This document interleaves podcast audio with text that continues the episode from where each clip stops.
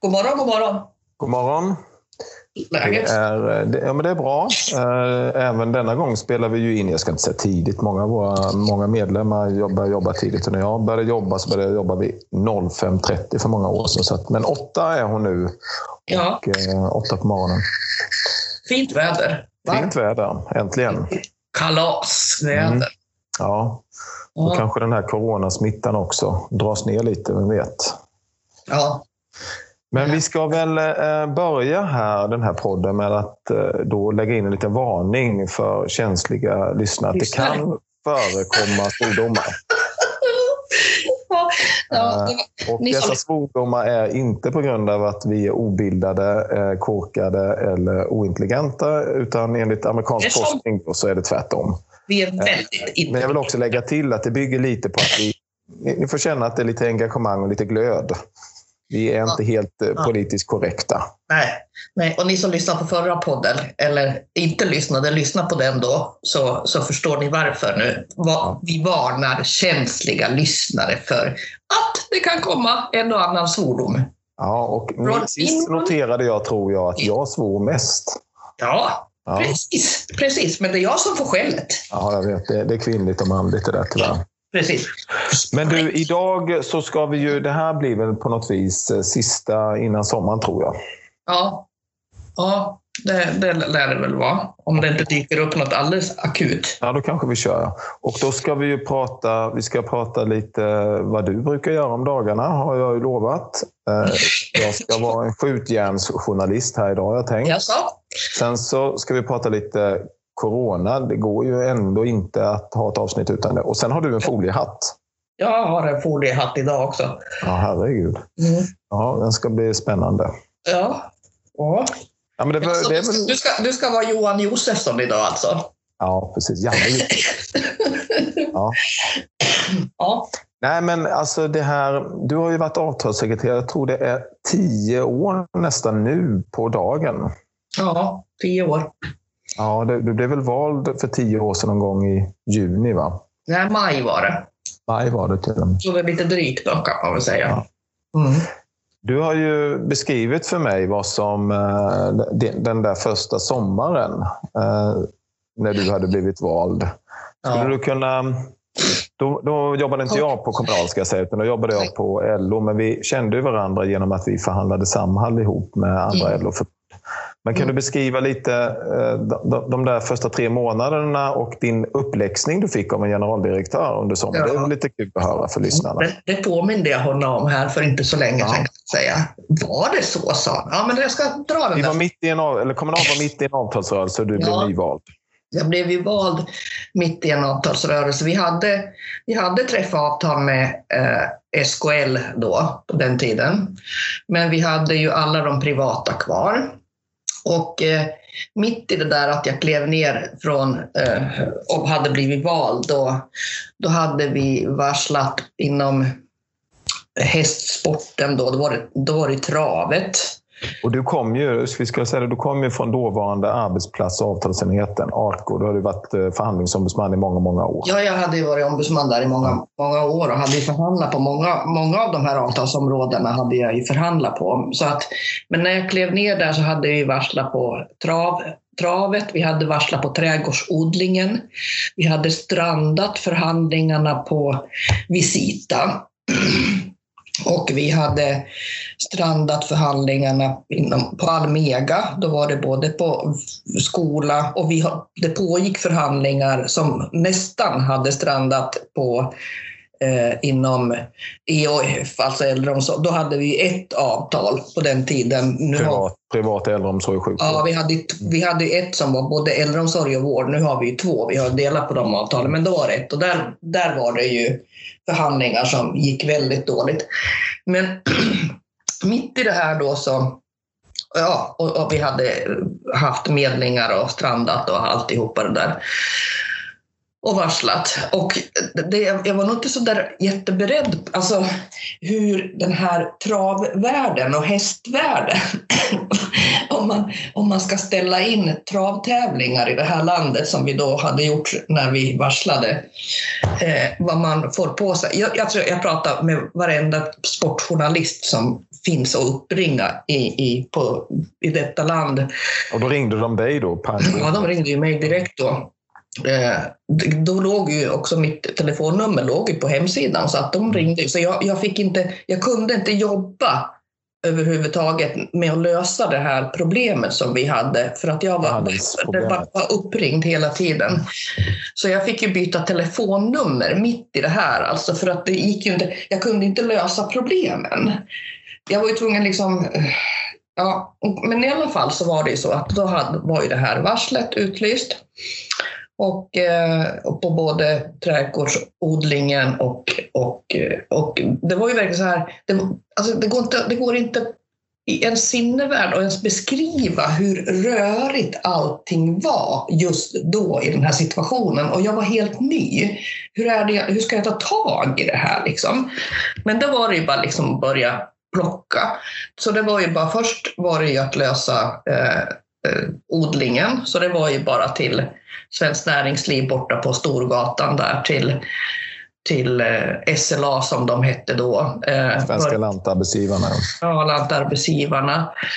Börja röja med, med eh, förhandlarna där. Eller med, ja, det är ju liksom, mina kontakter är ju med vdn Mm. såklart. Då var det ju SLAs VD och började liksom fundera över vad, hur ska vi kunna lösa den här konflikten? Vad handlar det om och vad behöver vi hitta för, för kompromisser? För så är det ju, så, för att inte den här konflikten ska gå igång. Eh, och det där tog ju sin lilla tid. Sen var det ju bara och eh, sen hade jag ju lite tur i oturen ändå kan man väl säga att vad det gäller hästarna så så hade jag förhandlat om avtalen själv. Så jag hade ganska bra eh, kontakter in i den där branschen och den världen och eh, eh, visste väl lite vilka tåtar jag skulle dra i. Och man kan väl säga att vi hade ju haft medling på hästen då så jag tog också kontakt med den medlare som vi hade där, haft där och frågade honom liksom lite, för då hade ju medlarna klivit av ju. De hade, ja, de hade frånträtt förhandlingarna. Ja, de hade ja. frånträtt. Jag fick börja luska lite omkring vad, liksom, vad, vad, som skulle kunna vara en lösning som Almega skulle kunna köpa för att vi skulle få. Liksom så här. Ja, så jag fick börja dra i de tåtarna. Men det som hände där då, det var ju att att eh, eh, kvällen innan, eh, eller dagen innan ska man väl säga, innan konflikten skulle bryta ut 00.00 på natten så åkte jag till Stockholm. Eh, det var ju mitt i semestertider, eh, höll jag på att säga, så på sommaren där. Då kom vi in en bit i juni och eh, eh åkte till Stockholm, eh, åkte till och eh, satt mig vid förhandlingsbordet med eh, Almegas förhandlare. Eh, fick ta in delegationen och sen så fick vi hitta en lösning på det. Så att någon timme före konfliktutbrottet så skrev vi på ett kollektivavtal. Och det här är ju liksom Sen, ja, sen, sen, så fick vi reda ut, sen var det ju Visita där vi hade strandaförhandlingarna. Det var ju också bara att ta tag i. Eh, men det som, det som då hände med den här dåvarande generaldirektören på Medlingsinstitutet, det var att eh, jag blev uppringd då mitt där på sommaren och så det var Claes Stråth hette han? Det var Claes Stråth, ja precis. Och då ringde han och så ville han bjuda mig på lunch. Mm. Och så åkte jag, eller så bjöd han mig på lunch där i Gamla stan och så fick jag väl en jävla avhyvling om man nu ska säga det. För då hade ju vi varit en massa medlingar under den våren, ganska många, och Medlingsinstitutets uppfattning var ju att vi var inte liksom kompromissvilliga. Eh, vi hade liksom, eh, de som satt i medlingarna inte hade mandat, då var det ju ombudsmännen, förhandlarna själva som skötte medlingarna. Och eh, att de inte hade mandat att, eh, att göra några uppgörelser och tacka ja eller nej. Så att eh, där så kan man väl säga Claes Tråth är ju en trevlig person så han vädjar väl till eh, mig då att tänka om lite grann om hur vi riggar våra förhandlingar och hur vi tar oss an medlingssituationerna. Mm. Och eh, jag visste, alltså, jag menar jag hade varit ombudsman, jag visste väl liksom inte allt heller hur allting gick till och sådär. Men, men det var väl ungefär det första man fick styra upp att är det så att man eh, ska sitta i medlingar så är det jag som måste sitta där i, som person. Därför att det krävs att man har mandat att ta beslut varje steg. Du har ju också suttit, vi har ju suttit du och jag är medlingar många gånger. Så är det ju det att, att besluten måste fattas där och då. Man kan inte gå hem och hämta något mandat utan måste, den, den som har liksom rätten att fatta besluten måste sitta där. Och det var ju det som var så omöjligt och inte så bra för dem tänker jag själva som ombudsmän. Jag satt ju som ombudsman själv i medlingar på den tiden. Det är det att du måste backa tillbaka hela tiden. Ja. Och som, som en medlare jobbar, en medlare jobbar ju att pressa och testa hela tiden. Och då säger man ja men det där skulle kunna gå. Och har man då sagt det så är det ju ditåt medlingsbudet går. Ja, och då, det, då, går det inte backa sen. Det går inte backa. Det är då man får en utskällning av generaldirektören. Ja, och det, det, som hände där då, det var ju att vi sa nej till allting hela tiden, för vi vågar ju inte förflytta oss någonstans, nej. utan det var ju nej. Och den ena medlaren efter den andra lämnade sina uppdrag för att vi, vi inte kunde hantera de här situationerna. Men det var den där sommaren, men vi redde ut alla de här delarna där. Eh, det blev ingen semester den sommaren heller kan jag meddela då. Men att det var en jättetuff sommar och vi, ja, det är nästan så jag brukar säga så att hade jag vetat vad jag skulle få genomlida den där mm. sommaren mm. så tror jag inte att jag hade sagt ja till uppdraget. Nej, men alltså det var en jätte, jättetuff situation men, och som ny och sådär. Men, men jag tror så här, i alla fall så här, när man ska inte gnälla över det där, men, men eh, det var en erfarenhet jag fick med mig som har eh, som, som jag har haft med mig alla de här tio åren i olika situationer. Jag fick lära mig liksom en resa på en månad som man kanske normalt gör på ganska många år eftersom vi hade så många svåra och besvärliga situationer. Så jag fick ju liksom lösa... Då hade du ändå varit förhandlande ombudsman, var det 15 år på kommunalen? Ja, ja.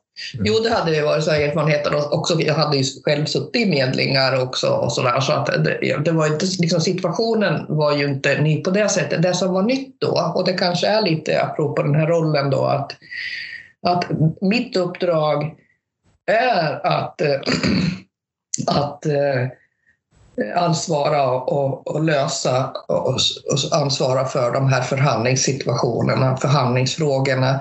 Så liksom det, det är mitt, det är mitt liksom ansvar och det är väl liksom det som är någonstans kärnan och det som jag fick lära mig den där första sommaren. Det är att jag har ingen där som backar upp mig i de här besluten. Det är bara mina beslut Sen ska de ju såklart till förbundsstyrelsen och godkännas. Mm. Men, men det är liksom i min mage, det är här och nu som jag måste ta de här besluten. Sen kan ju du och jag som vi har suttit alla de här åren också, liksom, det är klart att ja, du vet hur det är ibland, du tycker inte att jag tar rätt beslut i den här situationen. Mm. Nej, du tycker inte det. Men jag måste göra det i alla fall liksom, det är min övertygelse att det här är dit vi kan gå. Vi kommer liksom inte längre. Sen är det inte så att alltså, ta ju intryck och lyssna på folk och sådär, men någonstans kommer man ofta till vägs ände. Och det här och nu och sen kan det väl ha varit så att jag kanske skulle ha gått längre eller, eller att det är rätt beslut och sådär. Men, men det är väl liksom det tuffa i det här jobbet att det är jag måste lyssna till mig själv och ta de här besluten. Ingen annan kan göra det åt mig. Och det är väl kanske skillnaden mot en del andra jobb. För om man nu sen som ombudsman, som då när jag förhandlade, så var det väl till mångt och mycket så att, att det var inte liksom mina beslut, utan jag fick ju förankra det liksom hos eh, chefen och hos dåvarande avtalssekreteraren och sådär. Eh, eh jag, jag liksom tog ju inte, ja, ansvar tar man ju utifrån den roll man har, men, men det var ändå inte liksom mina, det var inte mina beslut på det sättet. Så att, ja, det var den första sommaren. Då var det många avtal och det var mycket eh, brinnande krig skulle jag väl vilja säga. Och många journalistkontakter och många svåra beslut. Men, och utskällning från generaldirektören, Medlingsinstitutet. Men jag redde ut det. Ja, det är härligt. När, vi, vi, vi har pratat rätt mycket om det här med eh, förhandlingsspelet och medling, men jag tänkte vi kunde nu, det är lite Petra-övergång här, alltså hur, hur en slutförhandling eller medling egentligen går till? Vad är, det, vad, är det, vad, är det, vad är din roll då i, i medling? berättar du lite nu, men om vi tar en slutförhandling på de det är riktigt tufft, vad, vad, vad blir din roll i det? Vi har en delegation, vi har haft ombudsmän som har inte förhandlat och så är det tre, fyra dagar till SKR-avtalet löper ut. Vad, vad, vad är din roll då? Alltså, alltså, det är ju rätt så komplicerat. Förhandlingar är ju ganska komplicerade, men det är så att det pågår ju förhandling på olika nivåer kan man ju säga. Och det är det att, att eh, den norm, liksom, till vardags så sitter, det är det våra ombudsmän som sitter vid förhandlingsbordet. Eh, men eh, jag har ju eh, övergripande kontakter med SKR hela vägen om de olika stegen. Och så länge allting fungerar och det går liksom bra så, så är det väl bra. Men om vi pratar om SKR så är det ju så att jag kommer ju in i förhandlingarna därför att det är jag och SKR som slutligen gör upp helheten och hela paketet kan man säga. Jag förhandlar ju lönedelarna. Det gör ju inte våra förhandlare utan jag sitter handgripligen vid förhandlingsbordet på SKR och eh, gör upp det som, som då blir den slutgiltiga produkten. Eh, det är ingen annan som gör det. Eh, och då har ju våra förhandlare eh, då har, de, då har vi liksom en hel del frågor på bordet som en del är lösta. En del saker kvarstår som vi kanske inte har fått gehör för. Och sen har vi lönedelarna. Och det som då görs upp då när delegationen är inne de här sista två dygnen, eller vad man ska säga, som det då oftast är. För man måste in i det där kaklet på något sätt. Det går inte att göra upp innan och vi sitter ofta både dagar och sena kvällar och vissa fall också nätter, så, så är det helheten. Eh, och då är det ju vissa delar som saknas. Och de sakerna som saknas för att vi ska kunna göra upp med ett avtal, det är de sakerna som jag då tillsammans med SKR slutgiltigt gör upp om förutom pengarna. Och där sitter, du är ju med mig där också som, eh, du, har, du har varit med, om vi, tar, vi kan väl prata lite om den där gången senast då, vad som hände och hur, hur det gick till. Det... Ja, då hade vi ju, det var ju då vi skulle förlänga avtalet. Ja. Vi låg ju utanför LO-samordningen. Då hade vi 2016 träffat ett avtal först med mycket möda och stort besvär. Eh, och då träffade vi ett avtal på tre år. Med, med undersköterskesatsningen? Med undersköterskesatsningen, ja. Och sen 2017 eh, kom en ny avtalsrörelse och vi hade ju ja, vi hade inte behövt förhandla där överhuvudtaget eftersom vi hade ett avtal som löpte då två år till. Men vi valde ju då att ändå gå in i förhandling med SKR. Vi var överens med SKR om att, att vi, eh, vi förhandlar eh, om en förlängning på ett, förlängning på ett år till. Mm. Och sen var det ju att vi fick få till de här det här första årets undersköterskeskrivningar blev ganska mycket tvistigheter om vilka som omfattades och så. Så att vi breddade ju den kretsen att även liksom omfatta då så att det skulle bli tydligt, vilket vi tyckte då att vi hade gjort, men det var tydligen inte det utåt. Till exempel då att det skulle eh, omfatta även eh, eh, särskilda omsorgen, LSS och sådär. Mm. Så att vi vidgade kretsen. Men vi förlängde också ett, ett år till och där så la vi till den här som vi hade förra året, inte undersköterskesatsning utan en satsning för yrkesutbildade. Mm. Den kom ju till där. på natten. Och så var det en del andra saker som... Vi gjorde ju också om eh, jourbilagan till att den satt vi också och gjorde eh, en helt vi, vi, försökte, vi försökte skruva i den hårt. Ja, vi försökte skruva den. Och, då, och då, den där rundan var ju lite speciell för att eh, du och jag brukar inte vara så handgripligen inne och SKR mantrade ju upp också med deras förhandlingschef och biträdande förhandlingschef. Jag kommer ihåg det var ett dygn vi körde i praktiken. Ja. Delegationen var på plats, vi hade ombudsmännen inne och förhandlade parallellt och så förhandlade vi parallellt med förhandlingschefen och biträdande förhandlingschefen. Och jag kommer ihåg vi hade, vi hade en tidsplan med dem. att Ofta de där spricker ju alltid. Och den redovisade för delegationen. Vi skulle vara klara typ vid nio på kvällen eller någonting. Ja. Vi, jag har en Facebook-bild jag, då vi går in till SKR, du och jag, typ vid två på natten eller någonting. Det är sista rundan. Och då, då, det var en speciell runda. Det blev ju... Alla var arga kan man säga. Alla, alla var väldigt trötta. alla var trötta och arga. Alla var väldigt trötta och feltolkade väldigt mycket vad den andra parten sa. Ja, en satt nästan och sov. En satt faktiskt och sov. Eh, vi ska inte säga vem det var, men det var inte du och jag. Nej, det var inte du Nej, vi var fyra i rummet och det var en som faktiskt slumrade till. Ja. Eh, och så kan det vara. Den personen hade väl jobbat antagligen ett par dygn innan också Ja. i sträck.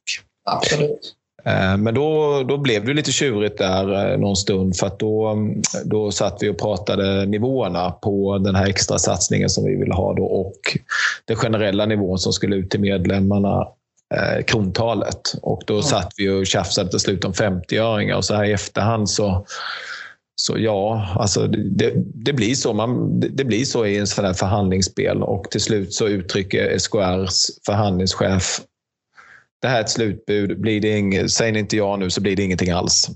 När han skulle resa sig och gå. Ja, han var på väg att gå. Han var på väg att gå. Bara, nej, nej, nej, nej, sitter vi kvar. Och då insåg vi att nu, nu, Ja, nu har nu vi kommit så långt. Ja. Ja. Och då, är det, då får man ju liksom bryta lite grann där på morgonkvisten och fundera över att är det nu så här att vi är på något sätt eh, in the bitter end?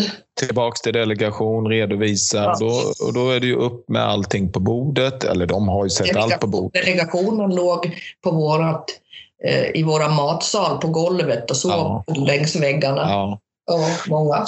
Och då, och då eh, redovisar vi för delegationerna plus och minus. Vad, vad, vad är det vi får? Vad är det vi uppfattar arbetsgivarna vill ha fått? Och så väger vi då för och emot eh, om, om vi kan förlänga det här avtalet. Vilket delegationen enhälligt sa ja till. Det var lite vånda och så är det ju alltid. Det ska det vara. Det är ju det är tufft. Och sen, Ja, precis. För det är precis i den där situationen där man liksom måste på något sätt också bestämma. Jag måste ju ha fattat beslutet inom mig själv att jag verkligen rekommenderar Ja. delegationen att ta det här då för att för att min bedömning där och då, nu var du med, ofta är ju inte du med, ibland är jag ju alldeles ensam Mm. i, i de här Mm. situationerna. Men, men det är ju också den här känslan av att kommer vi att komma längre än så här? Och vet jag nu att det är the bitter end och det vet ju du som var med den gången att det var vi nog ganska överens om att längre än så här kan vi inte komma. Vi kan inte Nej. flytta eh, arbetsgivaren något mer utan nu har vi nog kramat ur allt som finns ur det här.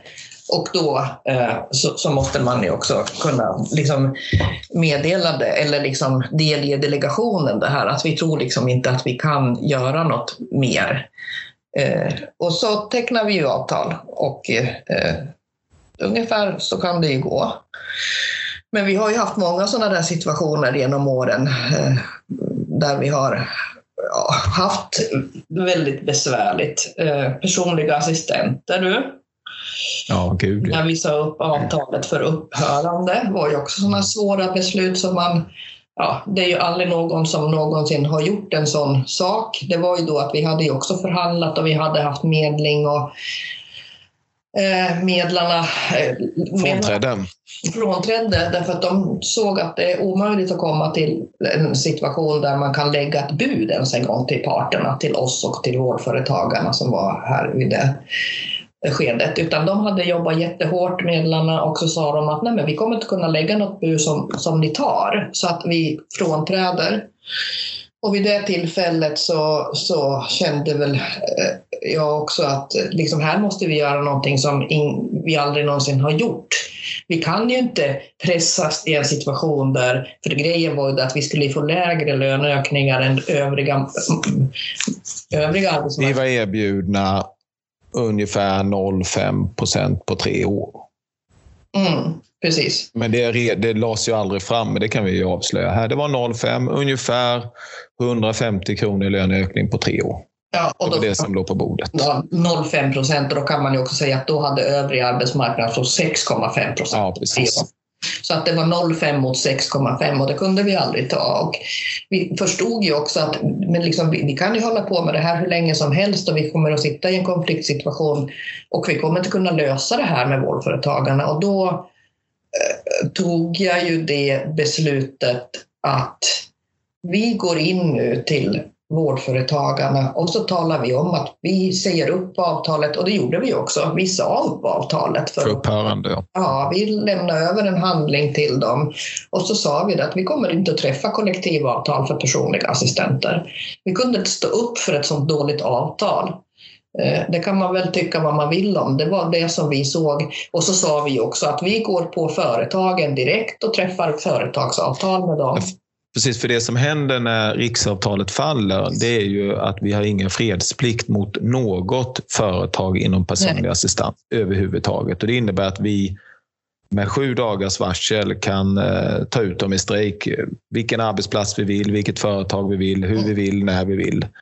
Eh, för det är ju det som är det fina när företagen, för företagen är det fina när de är medlemmar i en arbetsgivarorganisation, har avtal med oss, då har vi ju fredsplikt och då är vi skyldiga att följa avtalet. Men när man säger upp avtalet så här, vilket ingen har gjort tidigare, Nej. så kan vi jaga företag för företag och då meddelade vi ju samtidigt vårdföretagarna att vi kommer ta de största vårdbolagen först mm. och vi kommer ta ut alla våra medlemmar i strejk. För de här vårdbolagen bedriver ju inte bara personlig assistans utan vi kommer också stänga ja. äldreomsorgen och sjukhusverksamheten verksamheten och bedriver tills de tecknar ett, eh, ett hängavtal med Kommunal med ja. samma löneökningar som alla andra medlemmar fått. Precis. Det var bland det tuffaste, ska jag säga, timme när vi levererade det. Det som jag har varit med på i, min, i, min, i, i mitt jobb som, som, som förhandlare. Men tror du inte att det var det svåraste beslut jag har tagit som avtal? Jo, jag förstår det. Jo, det är det jag menar. Det, det, det där liksom, det, att, att säga upp ett avtal för upphörande, det innebär ju att pensionsinbetalningar slutar ske. Du har inte rätt till OB-ersättning, du har inte rätt till någon lägslön, inga löneökningar, alla försäkringar försvinner. Alltså, du faller ner, rätt ner på lagen. Man kan ju säga att en del personer i den här ankdammen. Ankdammen det är ju de som jobbar med de frågor som vi gör, arbetsgivare arbetstagarparten som förhandlar kan man säga att en del trodde nog att man var mer eller mindre sinnessjuk. Eh, ja, men på riktigt. Och en del tyckte att det var jävligt modigt att göra det där. Jag har mest fått positivt ut av det där.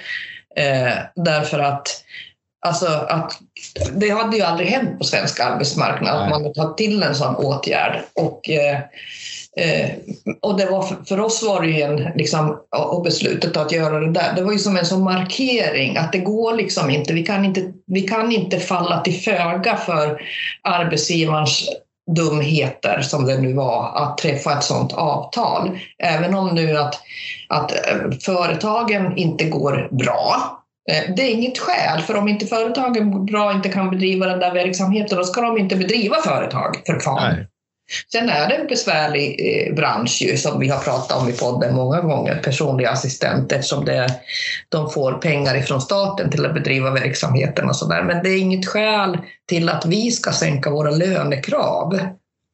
Utan då, då måste man lösa det på annat sätt. Och det var ju det var ju utifrån det, eftersom företagen tycker att de får för lite pengar ifrån staten, då hade vi uppvaktat departementet och staten också för, för de här pengarna. Så där. Men, men det är två olika saker och eh, löneökningarna ska ut. Det är ingen grupp eh, på, av arbetstagarna i det här samhället som ska ha mindre än övrig arbetsmarknad. Och det, och det, och det, det man kan säga det är ju att vi har ju ingen uppfattning om hur bolaget får sina intäkter så länge de är på vitt så att säga.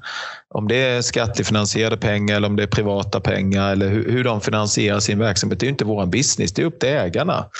Vår ja. roll är ju att se till att våra medlemmar får löneökningar som alla andra får. Ja. Och det där vill ju ibland arbetsgivarna blanda in. Som i de här förhandlingarna vill de väldigt gärna att vi ska lägga oss i hur de får sina intäkter från staten. Mm. Men om man vidgar perspektivet lite så är det väl egentligen absolut inte Svenskt Näringslivs uppfattning att facket ska ha någon uppfattning överhuvudtaget om hur bolaget drivs. Nej. För det är ju en ägarfråga och ja, den som har läst på om löntagarfonderna på 80-talet så var det precis det LO försökte få makten över. Det är ju hur bolagen styrs genom att avsätta pengar i fonder och köpa aktier i företagen och därmed få inflytande i företagen. Och det, det blev ju ramaskri kan man väl säga på högen i Sverige. Så det är intressant att när det passar dem så vill de att vi ska lägga oss i hur de får sina intäkter och hur företagen sköts. Men i grunden vill de ju inte det. Så det, det där får man ju liksom, man får inte låta sig luras av deras argumentationstaktik. Nej, det går inte. Och det är klart att vi ska ju göra saker ibland som, som gynnar, men, men samtidigt är det precis som du säger att det är liksom inte riktigt våran, vårat bord, utan vårat, vårat bord är att värna våra medlemmars eh, löner och anställningsvillkor och att de är i nivå med vad andra har och får. Så att ja, det, det, det är vår huvudsakliga arbetsuppgift. Liksom. Mm. Jo, men ehm, eh, hur, hur, när man är avtalssekreterare för ett ganska stort fackförbund som Kommunal med just nu 510 000 medlemmar, då, hur, hur ser en vanlig dag ut? Ja, det finns ju liksom inga vanliga dagar, det kan man väl aldrig säga. Liksom. Men, men eh, det där, det där är så här ibland så att jag har, jo men gud vad gör jag om dagarna då? Så här, när man ställs frågan. Men mycket av, av det här handlar, precis som det vi är inne på, vi har inte avtalsrörelse hela tiden, men, men att fatta beslut i svåra situationer, det gör jag ju liksom tio gånger minst varje dag. Eh, eftersom yttersta ansvaret för förhandlingsarbetet och de här svåra besluten ligger på eh, i, i, min roll. Och då är det ju som, alltså man kan ju tro att jaha, vi, har tecknat, det är liksom, vi tecknar ett avtal och sen har vi ett avtal som löper tre år, så gör man inget däremellan. Vi har ju pågående förhandlingar hela tiden om olika saker. Vanliga förhandlingsfrågor, men vi har, ju på, vi har ju också förhandlingar om omställning, försäkring, pensionsvillkor. Det rullar ju liksom på någon typ av förhandlingar alltid. Och sen eh, emellan där så är det ju mycket kontakter med arbetsgivare, liksom planera för nästa steg, planera för nästa eh, för, eh, förhandling, planera för nästa avtalsrörelse. Vi diskuterar frågor Eh, vi, även om det liksom inte är en pågående avtalsrörelse så är det ju frågor som vi inte har löst i avtalsrörelse exempelvis som vi ändå fortsätter att prata med våra motparter om för att Eh, i en avtalsrörelse löser vi. Vi har ju fortsatt att, frågor att lösa. Eh, vi sitter eh, ibland i eh, ja, regelrätta arbetsgrupper kan det ju också vara. Vi har ju som styrgruppen på heltid till exempel, där både du och jag sitter. Men sen har jag ju ganska mycket typ styrelseuppdrag eh, som, som ändå eh, tar... Kopplat till förhandlingsverksamheten. Som är kopplat till förhandlingsverksamheten och som den tar ganska mycket tid. Jag sitter ju som bara exempel i KPA pensionsförsäkring, för där är det koppling, kopplingen till våra pensionsavtal. Jag sitter i AFA försäkring som är kopplat till våra försäkringsavtal. På privata sidan är det AFA? Ja, fast AFA är på, eh, hela AFA är ju för hela arbetsmarknaden. Ja, men precis. Ja. precis. Men i styrelsen där. Och sen eh, jag har eh, jag sitter som i Sunt arbetsliv styrelse, eh, arbetsmiljöfrågorna i Prevent styrelse, också arbetsmiljöfrågor på privata sidan, vård och omsorgscollege eh, och sen ja, jättemycket mer. Och det är ju det att, att eh, det, det krävs att det är Eh, en ledningsperson som sitter i den här typen av styrelser. För det är ju också det där att man har som ett ansvar från kongressen att ytterst ansvara för vissa frågor och då liksom ramlar det ner på min roll. För det är ju också i de här sammanhanget, på de här mötena, så måste man ju direkt kunna fatta en del ganska besvärliga beslut och kunna ta ansvar och bära de besluten.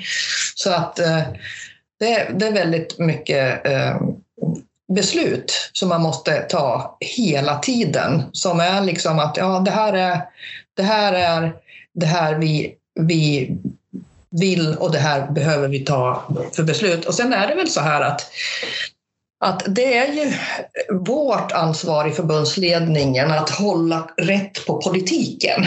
Mm alla politikområden. Och på min lott, eftersom jag då ansvarar för avtalen, så har vi ju till exempel våra, om man nu brukar säga som de här biblarna som man bär i bakfickan nästan dagligen. Det är ju lönepolitiken, rätt lön. Det är rätt arbetstid som är arbetstidspolitik, rätt arbetsmiljö som är arbetsmiljö och utbildning, rätt utbildning.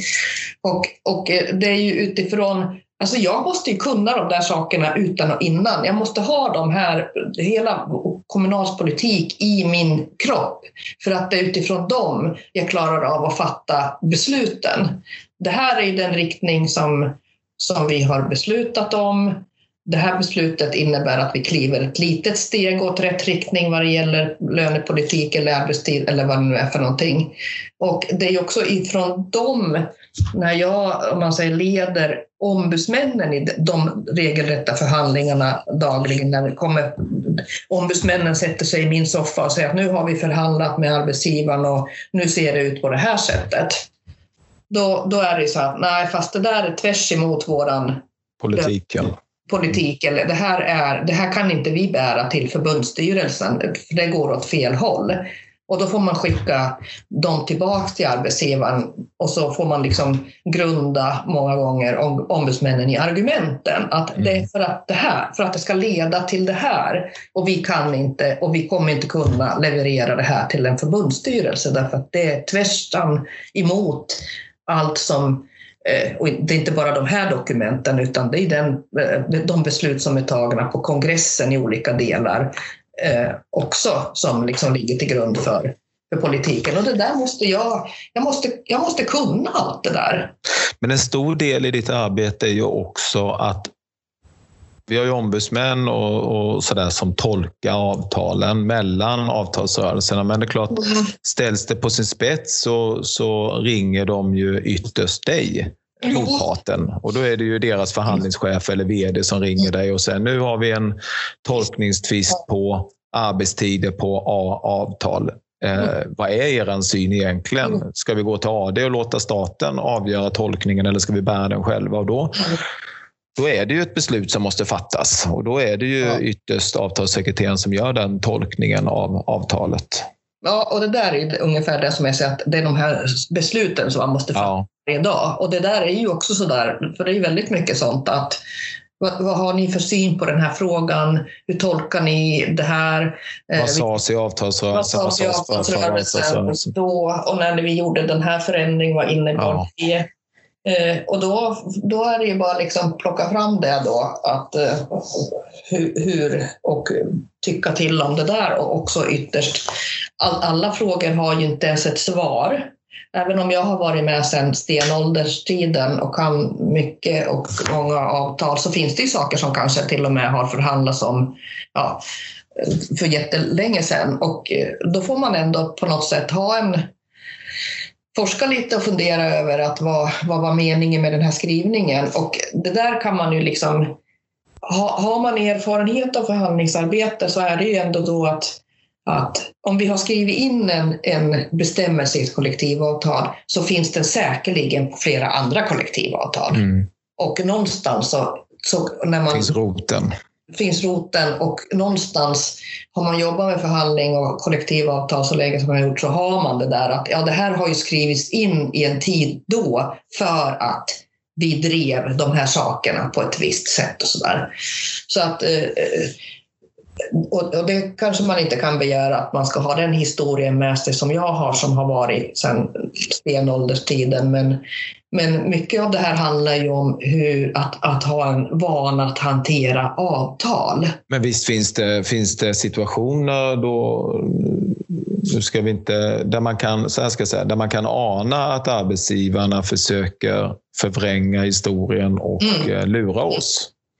Det, Sen så ska man inte säga att de försöker lura oss, men man kan uppfatta det så ibland när de kommer med tolkningar som är helt...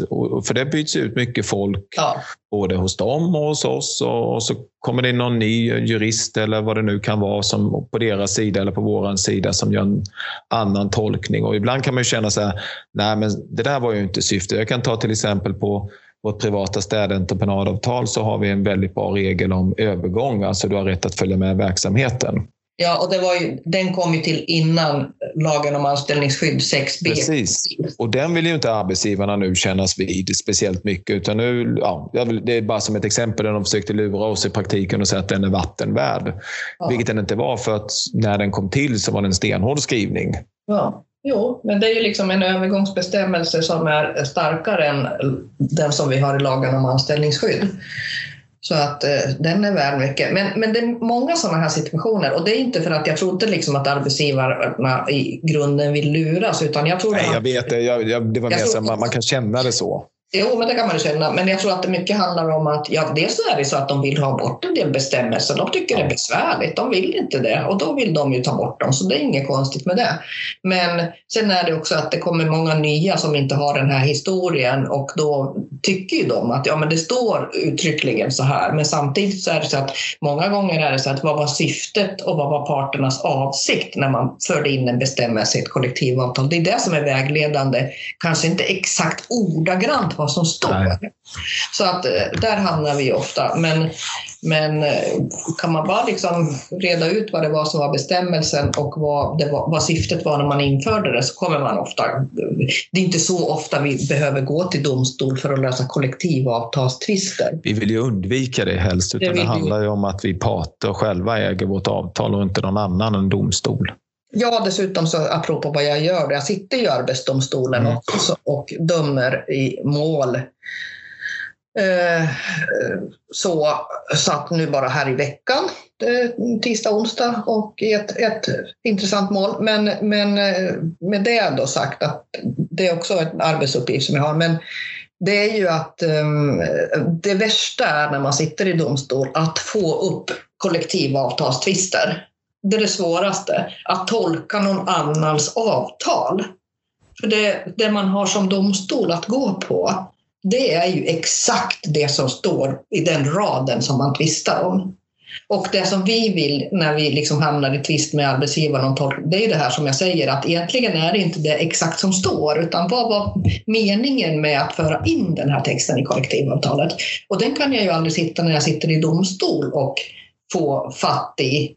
Eh, ja, då är det ju avtalstexten. Då är det avtalstexten som gäller och tolka ut den och det blir inte så bra. Så med det sagt då, och med den erfarenheten så kan man väl säga att, att man ska inte man ska inte gå till domstol om det inte är absolut nödvändigt i kollektivavtalstvister. Och med det sagt då kan man väl säga också att det är så himla viktigt i de här kollektivavtalsförhandlingarna att vara överens om vad vi menar när vi för in nya texter i kollektivavtalet eller ja. nya bestämmelser. Och jag brukar säga det till ombudsmännen att, som är ganska nöjda ibland med några skrivningar de har fått in. Man ska inte vara nöjd med någonting utan man ska till, till eh, sista bokstaven vara överens med arbetsgivarna om vad står det nu här? Vad är det vi har bestämt? Och vad menar vi? Hur kommer den här texten att tillämpas när vi väl har skrivit dit den? Ja. Eh, det ska vara super. Och det där är en arbetsuppgift som jag har ju då, när, apropå att jag knyter ihop säcken oftast i de här förhandlingarna. Och det är ju att nu när vi har reglerat det här, vad har vi då menat? Att, och då brukar vi också många gånger tillsammans göra en redogörelsetext, till exempel med SKR, att vi byter texter. Och är det så här nu vi har menat? Är det här, den här redogörelsetexten kring den här nya bestämmelsen, är det så här vi ser på det? Ja. Ja, precis. Eh, jag brukar också tänka på, ehm, eller tänka på, en roll i vårt jobb, precis som du beskrev, det är ju att de ringer oss Eh, oftast ringer de ju dig, men ibland mig. Och jag brukar säga att det är den femte utskällningen jag fick den här dagen. Eh, därför att de ringer motparterna när det strular någonstans. Och det kan till och med vara på, på ett lokalt företag eh, där, vi har, där vi har uttryckt oss eller gjort på något speciellt sätt. Då ringer det företaget direkt till sin arbetsgivarorganisation och talar om hur de tycker vi har betett oss eller sagt eller tolkat ett avtal fel. Mm. Och direkt så ringer de oss och vill att vi ska agera på något. Och det, det, kan ju vara omvänt också, där vi får signaler, du och jag, att ett företag, eller en kommun, eller region eller motpart ska säga lokalt har betett sig illa eller har en feltolkning. Då är det vi som ringer till våra motparter och mm. säger att nu, nu behöver ni ta, ta eran lokala i, lite i örat och rätta upp. Ja. ja det är det här kittet vi håller på med hela tiden. Precis. Uh, nu ringer Tobias här. Jag ska bara säga till att jag ringer. Anita? Jag sitter, jag sitter och poddar med Johan, så nu, nu, nu får du vara med lite. Jag är med live, ja. Hej nu Tobias. Lite, hej. Ja, ja, ja precis. Vad bra. Nu är du med live i podden här. Ja. Så här kan det vara också, eh, kan jag säga då till lyssnarna, att eh, när vi, vi, vi har ju täta kontakter, Lenita och Tobias och, ja. och jag då när det, när det är speciella förhandlingslägen, ska vi säga. Då, då det ja. gäller att ha gemensam kurs här. Nu är det något sånt samtidigt. Det är därför jag ja, pratar, så ni inte ska höra riktigt vad Lenita och Tobias pratar om. Uh, det kanske är inför ja, LO-kongressen som är på måndag. Med Johanna. Ja, skicka. Ja, det gör det. Bra. Hej. Hej. Och så är det när man jobbar som avtalssekreterare, man svarar när ordförande ringer. Ja, men jag sa precis det, att det är ju en, när, när, när det är sådana här eh, tuffa frågor inför LO-kongressen eller LAS-förhandlingar eller förhandlingar, det är klart, då är det täta kontakter mellan ordförande avtalssekreterare och så vidare. Så det är så här det rullar. Liksom. Ja, Tobias och jag pratar väl, jag vet inte, varannan timme på telefon ungefär känns det. Nu var det om LAS-förhandlingarna.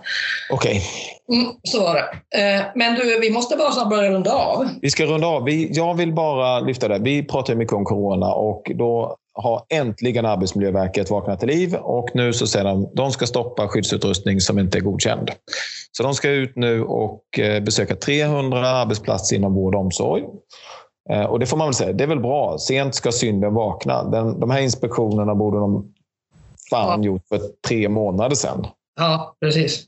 Men eh, okej, okay, det är väl ändå... Eh, man, man, ska, man ska säga när de gör någonting bra. Det här var väl bra, fast väldigt för sent. Mm, men bättre sent än aldrig som sagt. Bättre sent än aldrig. Och sent ska syndan vakna. Veckans foliehatt. Så foliehatt, ja. Mm. Nu har vi delat ut foliehattar några gånger här. Och jag vet inte. Jag tänker så här, jag försökte verkligen leta, för nu, det, det är politiker vi som drabbas av våra elakheter. Foliehattar ja, foliehattar. Och det har du gjort varenda gång. Och så tänkte jag att jag ska leta på någon annan. Men ta mig fan, nej jag lyckas inte. Vet du vem som får veckans foliehatt den här veckan? Nej. Jimmy Åkesson. Ja, Jimmy Åkesson. Ja, jag... Och vet du varför? Han, han, han, har ju sagt himla mycket dumheter. Ja. Men, men den här veckan jag tittar på partiledardebatten som var här för några dagar sedan. Mm. Då säger han så att det där med skyddsutrustning inom äldreomsorgen, det är inte så svårt att lösa. Det är bara att ta en tygtrasa.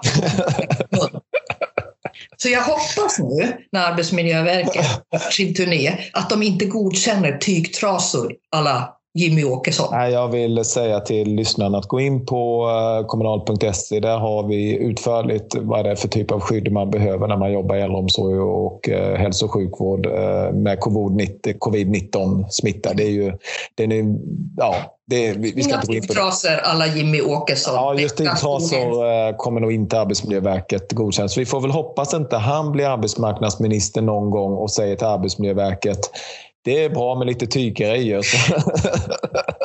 ja, men alltså, det, det, är Vilken jävla foliehatt alltså. Ja, ja, vilken foliehatt.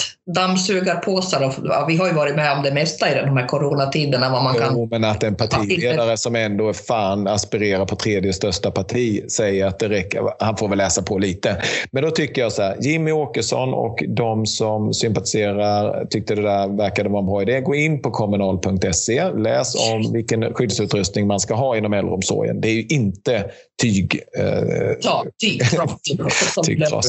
Nej, nej. Men, Men men du, eh, nu är det dags att runda av. då är det dags att runda av och då får vi passa på och eh, önska våra lyssnare en trevlig sommar och trevlig midsommar och trevlig semester. Alla som då kan ha semester. Och eh, ja, så, så får vi väl se. Vi lär ju återkomma. I alla fall, jag slutar ju den, alltså i höst då, är det ju förbundsmöte 3 september. Så att någon podd före det får vi väl ändå. Vi ska ha man inte minst två poddar innan. Ja, det ska vi ha. Mm. Eh, Vi har mycket kvar att prata om. vi mycket, Men eh, det där ska vi ha en plan för. Men vi Ja. kommer återkomma. Antagligen blir det här sista innan sommaren. Om det inte dyker upp något så vi slänger in ett extra avsnitt. ja, för det kan det ibland blir det. Det här måste vi prata om. Ja. Men då får vi önska alla en riktigt fin sommar. Ja, det får vi göra. Och så det bra. säger vi tack och hej, leverpastej. Leverpastej. Hej då. Vad vill eh, TB? Alltså, vi ska ha ett möte efter.